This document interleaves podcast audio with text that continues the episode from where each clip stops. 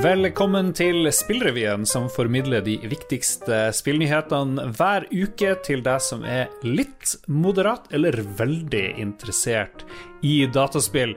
Mange podkaster snakker om alt mulig annet enn spill, men vi er den eneste podkasten i Norge som bare snakker om spillnyheter. Og vet du hva det gjør, Jon Cato? Det gjør at vi er faktisk den beste spillnyhetspodkasten i Norge, men også den dårligste. Har du tenkt på det?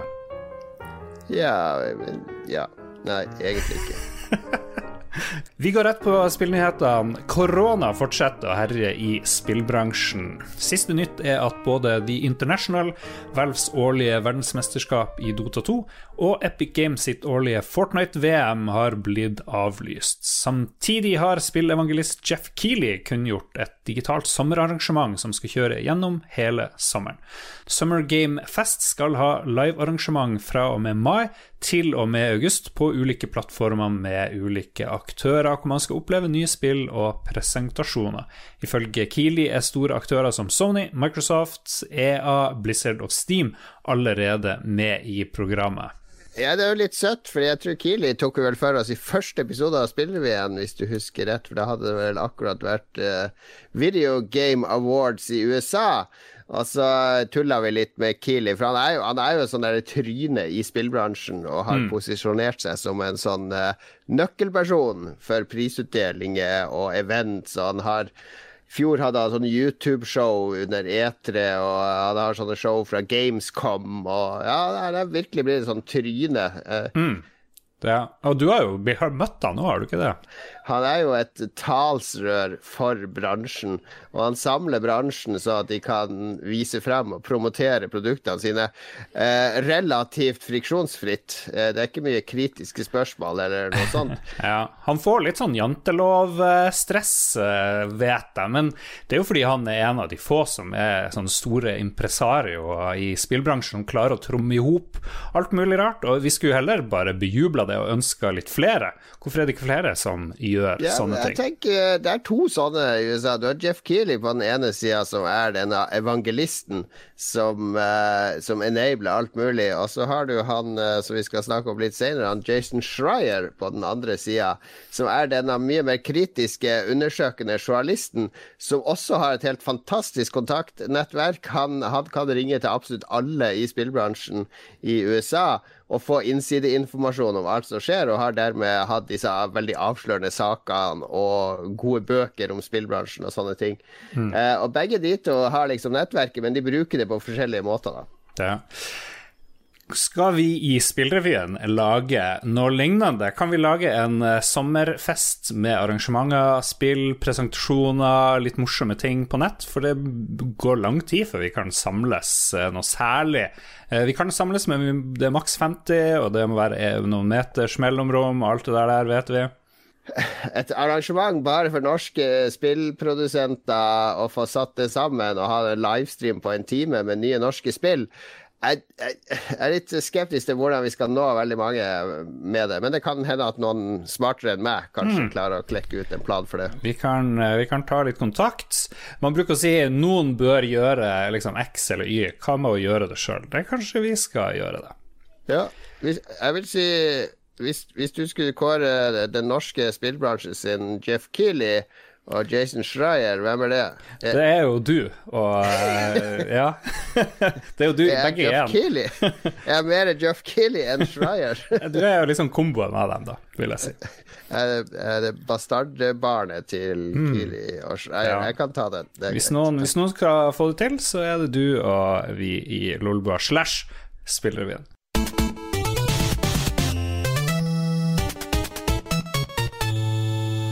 Retrospillmessen er avlyst pga. Av korona. Den årlige spillmessen for gamle spill har vokst i størrelse og omfang hvert år, og årets messe skulle egentlig arrangeres i juni, før det ble flytta til august og deretter avlyst helt.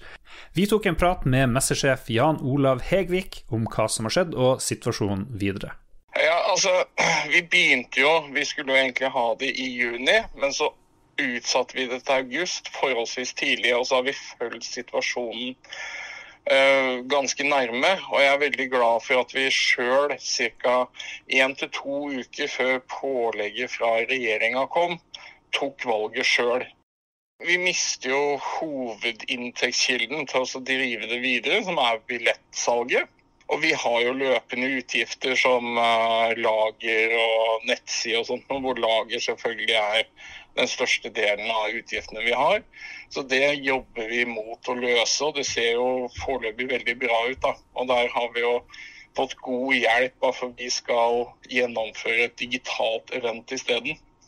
Uh, hvor vi får støtte fra PlayStation og Nintendo med premier knytta til det her. Vi, vi, ser på mulighetene for å broadcaste noen konserter. Og da ser vi jo For vi har jo kontakt med ganske mange innenfor spillindustrien som har vært med lenge. Som av forskjellige årsaker på en måte ikke har kunnet tatt turen til Norge. Så nå har vi på en måte kall det en gyllen anledning da, til å inkludere de. Både med intervjuer og, og kanskje vise fram uh, ting de har jobba med da, som uh, vil være helt unikt. Så det er det vi på en måte jobber mot. da.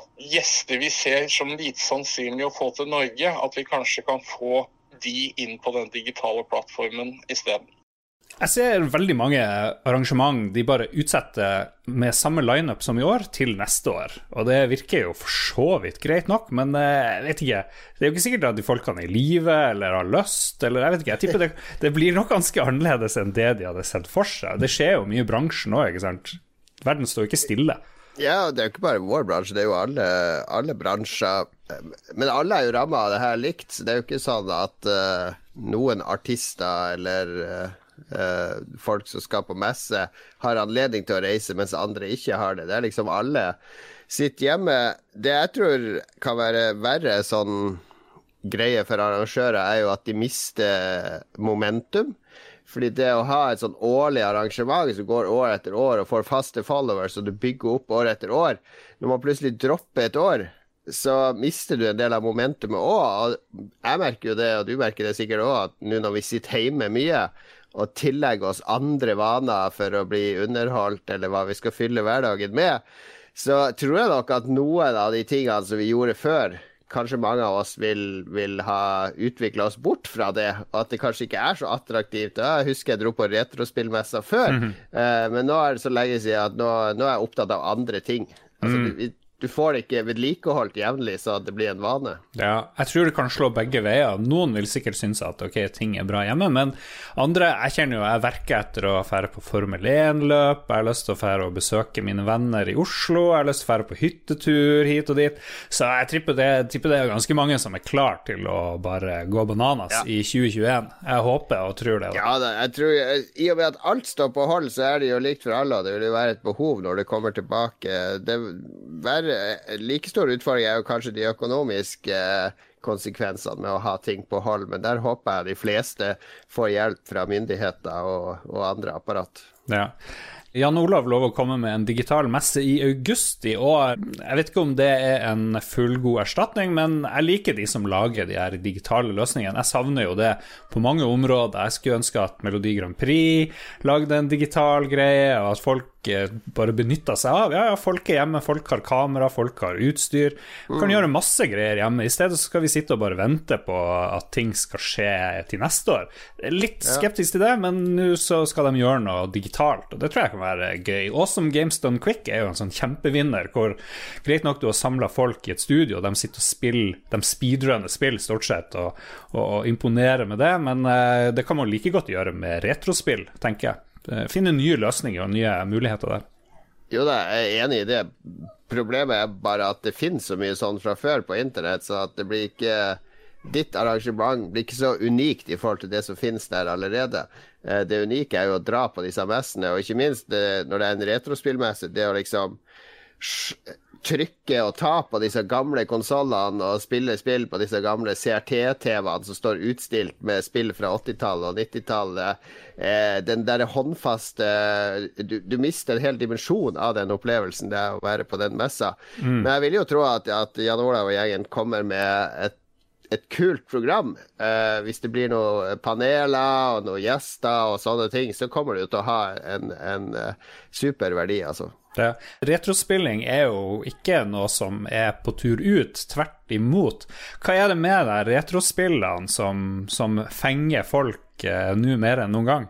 Ja, det tror jeg du er bedre å svare på enn meg, for jeg har ikke så mye nostalgiske minner til Jeg, jeg spiller mm. ikke veldig mye retrospill, men du bruker jo å dykke ja, ned i dritfilmer fra 80-tallet og ja, dritspill fra 90-tallet jevnlig. Nei, det er jo, eh, det er jo mimre, ikke sant. Når du drar frem et gammelt Amiga-spill, f.eks., så kommer jo minnene og situasjonen tilbake som du ellers glemmer. Det er som å ta frem et fotoalbum, egentlig, og så får du masse assosiasjoner til det. Og hvis du nå hadde det gøy, så får du jo en veldig fin opplevelse av det, selv om spillene i mange tilfeller er litt uspillbart, nesten, eller ikke holder noe særlig standard. Men det er jo bare gøy, det òg. Så jeg skjønner jo veldig godt eh, retro Eh, retroen. Og så er det jo Spill var ikke så populært på 80-tallet, men det har blitt mer og mer populært. Så det, etter hvert som folk er eldre, så er det jo flere og flere som er, er gira på retrospill. Rett og slett fordi det finnes flere mennesker som har opplevd det. Jeg tror, det, jeg tror ikke den mimringa er så stor faktor, for det skal ikke mye minutter med de gamle spillene til for at du tenker 'herregud, kast deg bort så mye tid på det her'. Uh, jeg tror det er mer det der med å ha noe håndfast. Det at spillene er fysisk, og at de har cover, og at de, kan stå i hylla og se fine ut hvis du samler på de. Uh, det å ta på maskinene og sånne ting, det setter jeg i, i forbindelse med en fortid. Det trenger ikke å være en fortid som du hadde en gang. Det finnes mange yngre mennesker også som samler på retrospill, selv om de ikke opplevde de spillene når de var yngre. jo, men du har jo en dobb. Det ene utelukker jo det andre.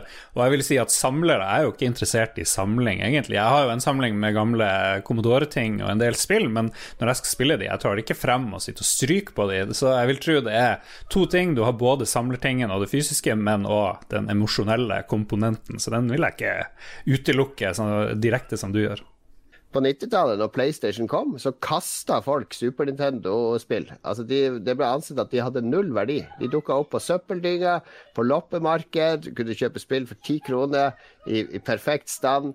Eh, og, og, det var jo da min venn Kjell Gunnar, som har Nordens største Nintendo-samling, han begynte å samle på Nintendo da, fordi folk bare ga det bort. De kasta ja. det. Han kjørte over hele Norge og plukka opp Nintendo, for det var ingen som var interessert i det.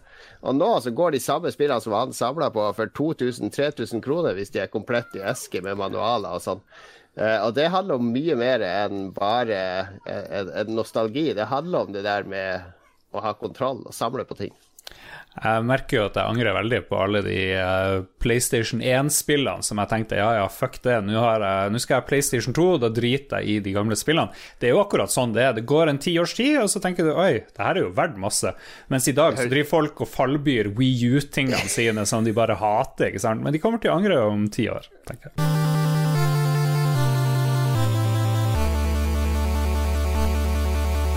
Det neste spillet i Assassin's Creed-serien skal handle om norske vikinger som invaderer England. Det avslørte Ubisoft i trailere og en koordinert PR-kampanje i uka som gikk. Den spektakulære traileren viser barske vikinger i kamp mot engelske soldater i spillet som har fått tittelen Assassin's Creed Valhalla. Den norske spillsida Pressfire har vært i kontakt med en ekspert på vikinghistorie, Katrine Glette, som mener at det er lite i materialet som er vist så langt som tyder på at dette blir et tidsriktig spill. Det er jo litt spennende eh, å tenke på hvor, hvor, tidsriktig må et spill være, egentlig?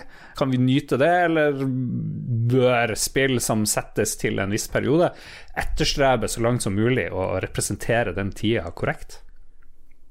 Hvis uh, spillet gir seg ut for å, for å, presentere den epoken helt 100% historisk korrekt, så bør de jo selvfølgelig gjøre det. Men alle som har spilt Assassin's Creed, som er et spill der du er en mann som ligger i en uh, maskin som tar kobler deg til DNA-et til dine forgjengere og lar deg gjenoppleve deres liv, der du bl.a. skal kaste deg ut fra 50 meter høye kirketårn og lande i høy... I, i høy. Det, det, det, er jo ikke et realistisk spill i utgangspunktet, selv om det foregår i, uh, i historiske lokasjoner. Nei da, du har helt rett i det. Men hun fyrer seg litt, hun Katrine Glette. Og jeg syns jo det er litt gøy at uh, Pressfire tar seg tid til å snakke med en historiker. Ja, ja, det syns jeg. Men er ikke det veldig norsk? Ikke, hver gang det er en sånn norsk film som handler om uh, ting som skjedde under krigen, eller Kon-Tiki f.eks., så er det sånn Hvis det er det minste, minste narrativ frihet som er tatt for at manus skal flyte bedre, så er det sånn Nei, det var ikke sånn det skjedde! De hadde ikke den type bukse på 1940-tallet. De Buksa der kom i 1950, så den scenen er det bare å avskrive helt. Jeg er alltid en sånn hissig ekspert i avisen som skal avskrive alt hvis det ikke er 100% historisk korrekt. Det er jo veldig sjelden at et spill finner sted i Norge, og vi er et lite land med ca. 5 millioner mennesker, så jeg skjønner jo at folk blir gira når det finner sted et eller annet i Norge, og da syns jeg det er greit å ta en liten runde på Det er jo også veldig norsk greie med å bli så gira for at det foregår her i Norge. Husker du hvor gøy det var da X-Files foregikk i Norge, Lars? Jo, men som sagt, vi er et lite land, vi får jo ikke så mye oppmerksomhet. Så når uh, The Norwegians kommer inn i Twin Peaks, så blir vi jo litt ekstra gira. Det er jo gøy å bli sett uh, i, ja. i, ute i verden. Dere som jobber i pressen, blir i hvert fall gira, for da blir det sak med en gang i pressen. At 'Å, noen har lagt merke til Norge'. Ja, men jeg tror du er litt mer uh, sånn uh, skeptisk til det norske enn den gemene hop. Så jeg tror ikke du er representativ for hvor artig og interessant det egentlig er. Jeg er så kontinental og internasjonal Nettopp. Eh, mindset, vet du. Jeg går ikke med den norgespinnen på dressen, jeg har den FN-pinnen. Det etterlengta PlayStation 4-spillet The Last of Us 2 er utsatt for omfattende lekkasjer. Spillet skulle egentlig være lansert uh, nå, men ble utsatt pga. logistikkproblemer forårsaka av koronautbruddet. Og vi har jo snakka om at det er litt sånn usmakelig å slippe et pandemispill akkurat nå. Forrige uke så dukka det plutselig opp masse filmsekvenser og informasjon om spillet på nettet som avslører viktige deler av handlinga. Ryktene ville ha det til at informasjon var lekka av misfornøyde ansatte hos utvikler Naughty Dog, men nå melder journalist og forfatter Jason Schreier at alt tyder på at hackerne har klart å få tilgang til Naughty Dog-servere og stjålet materiale derfra. Sony har nå valgt å lansere spillet i juni, og ber fansen om å holde seg borte fra spoilers på nettet frem til da. Og oh. eh, jeg har nå holdt meg unna de her spoilerne. Jeg vet ikke, Det er jo litt kjipt for selskapet, men er det her så dramatisk? Jeg så at de, de var ganske alvorstynga, Naughty Dog, og ja, det her var så trist og bla, bla, bla, men jeg mener, hallo det er en sånn konflikt i dette eh, grumsete undermiljøet blant gamere på nettet. Eh, der det er en frykt for at eh, Naughty Dog eh, kjører litt sånn uh, politiske meldinger i spillene. Uh, og for de som ikke er informert, så, så er, har det jo vært en del debatt med Gamergate og kjølvannet av Gamergate om spill med politiske budskap som fronter feminisme, likestilling, andre ting, bla, bla, bla. Masse barnslige argumentasjoner fra sinte gamere som føler seg tråkka på tærne av diverse grunner. Og så har det vært en eller annen slags frykt for at Last Us 2 skulle bli en sånn der uh, spill med sosiale verdier som skulle gå imot denne usunne ja. gamerkulturen. Ja, vær nå grei. Vær nå grei. Det, er, det, må jo være 1 av gamere som ja, men det er, er redd for det. Men hva gjør det som, jeg, det som jeg har fått høre har skjedd, er at noen av disse går på forum i tråder som ikke skal spoile uh, spillet, og bare flette inn i setninger ganske store spoilers for ting som skjer i spillet, for å ødelegge for andre.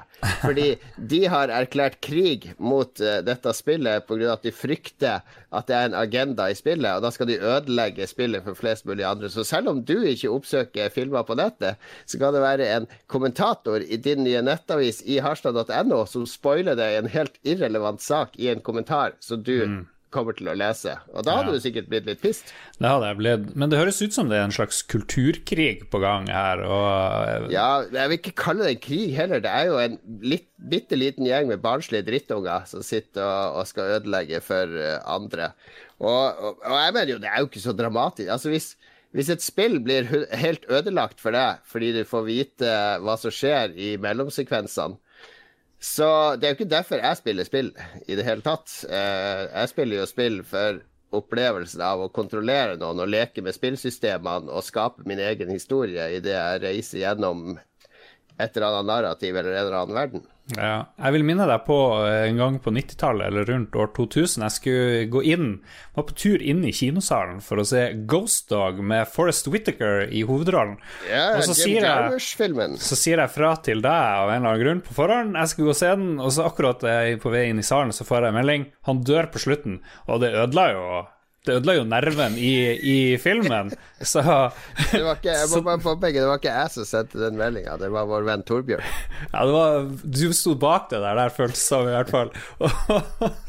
Mye gammel bitterhet her. Det er jo en veldig god prank, men det å få spoila kjempeviktige ting i et kulturprodukt kan påvirke opplevelsen eh, ganske mye. Så jeg er ikke helt med på det du sier. Ja, det er enig hvis det er en bok eller en film, eh, men i spill, og det, nå snakker jeg av personlig erfaring, så det er veldig få spill hvis historie har påvirka meg i stor grad. Jeg husker nesten ingenting fra The Last of Us 1, selv om jeg fullførte det. Men det jeg husker, er de intense sekvensene når jeg sniker meg, eh, de forskjellige områdene vi var i. Jeg husker noen sjiraffer i, i en eller annen scene. Men det forholdet mellom hovedpersonen og jenta og alt det all dialogen dem imellom og, og drama, dramatikken og den reisen deres som ble fortalt via deres dialog, det husker jeg nesten ingenting av.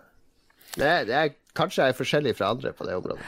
Alle er ikke helt like, jeg tror jeg vi må slå fast, men jeg tar poenget ditt. Det artigste lekkasjen jeg hørte om, var jo Jeg opplevde det sjøl på etere det året. Det var jo Metal Gear Solid 2. Eh, som det var så mye hemmelighetskremmeri rundt. Det var vel i 2001 eller noe sånt.